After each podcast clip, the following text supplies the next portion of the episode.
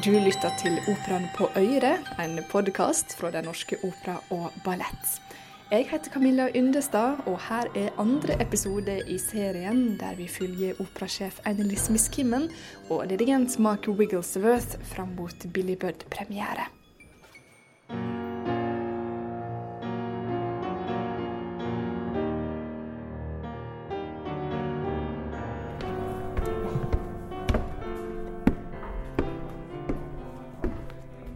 So we're in the submarine right now.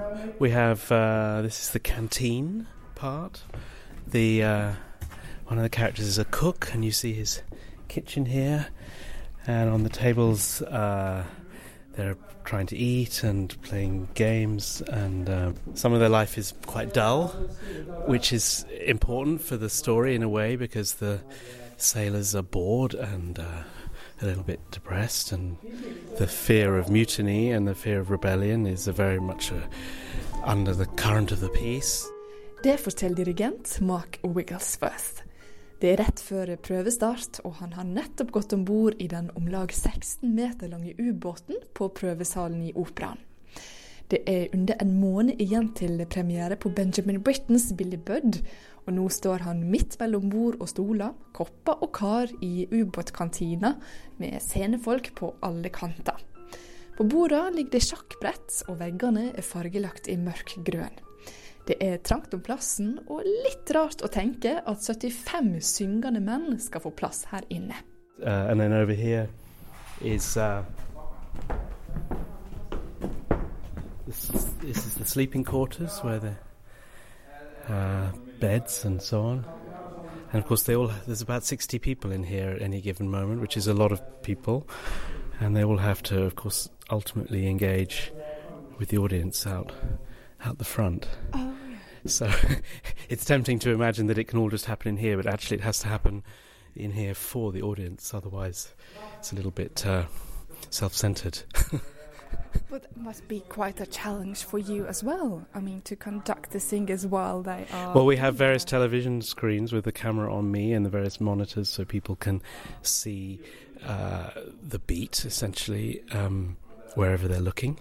Um, but I think once we get into the theatre, the the uh, the need to project and the need to uh, for the singers to engage in the audience will become more obvious. I've just been giving a sort of um, estate agent sales rep. Regissør og operasjef Annilese Miskimmon entrer nå ubåten. Med morgenteen i handa slår hun seg ned ved et av borda i ubåtmessa. I was just saying claustrophobia is part of the pressure of the Yeah. piece. Yeah. And when it's lit, I think it'll be even more atmospheric um, and use the heights. So it's really interesting. You know, sometimes the chorus are saying to me, "Oh, Annilese, we can't move. You know, can we change this cue? We can't get past each other." And I said, "No, no, that's the whole point." You know, so uh, that's quite enjoyable. Yeah, making them work in a kind of different way um, and be a bit messy. So you go from scenes that you you want to be very military and controlled and professional, but then you want certain moments that it's a bit messy uh, to live in here with all these men. Uh, it's my idea of hell. I have been having very disturbed dreams about being stuck underwater in a tin can. Have you Yeah. ever been in a submarine? I've been in one once, and uh, there was uh, exhibit in the, there's a brilliant maritime time museum in museum in Greenwich in London. And it was terrifying. I, I really don't know how, and I suppose we're still at the stage that we're thinking about, especially in this time period in the World War, that men, you know, I think we're so casual. Maybe, maybe as women as well, about what men are expected to do and have been expected to do in war. And uh, I just don't think if I was conscripted and put in a submarine, I just, I mean, of course you you do survive, but I just, I just have no capacity to understand how they were able to do that.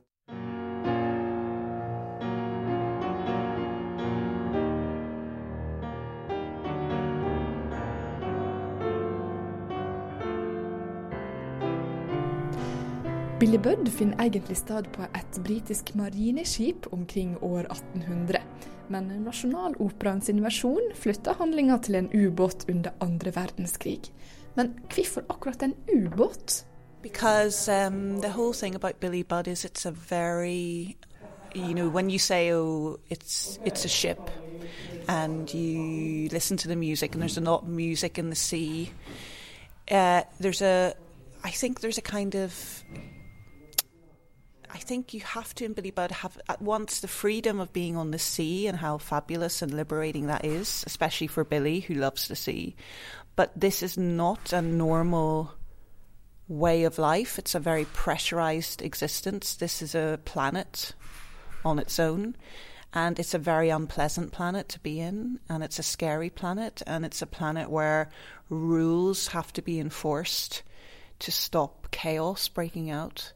And that I think needs to be expressed in some kind of visual way, and also for the performers that they feel some kind of pressure.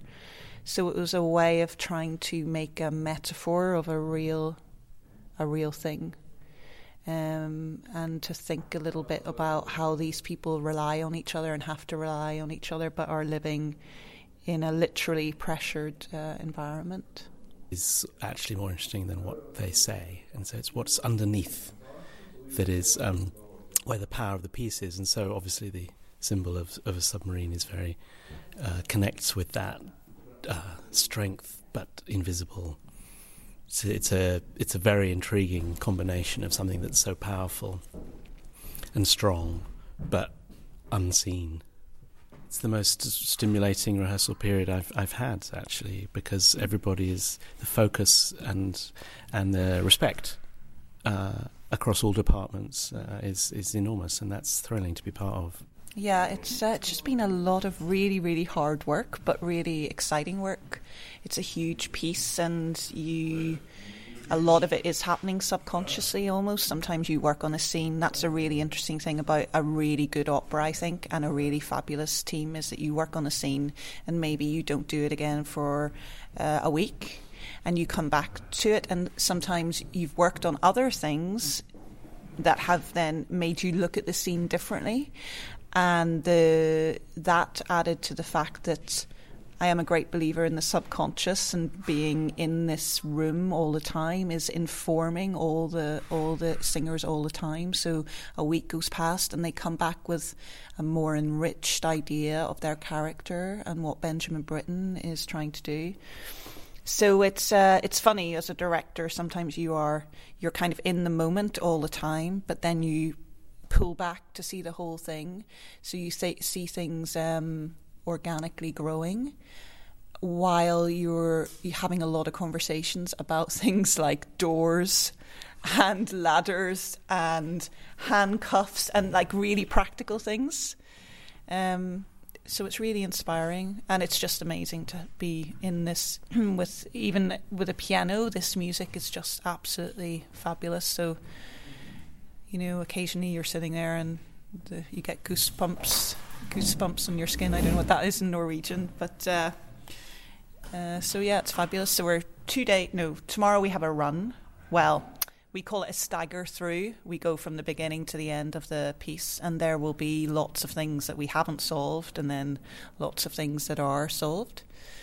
It's we've been working here on the on the submarine, but we don't have everything yet. So some things that will work here will not work when we get on stage, not because they're not good, but we will have to change a lot on stage. It's a very technical set, uh, a lot of props, it's busy.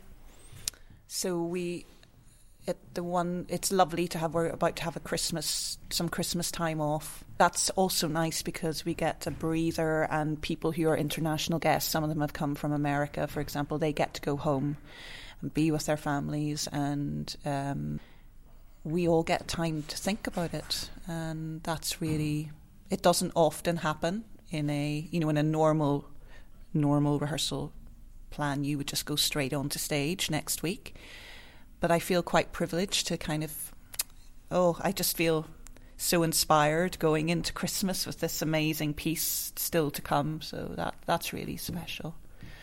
But it's important to have time to think. It's so rich, this piece, you know. You could think about it you know, you could write a never ending essay about it. Um, you never get bored of it.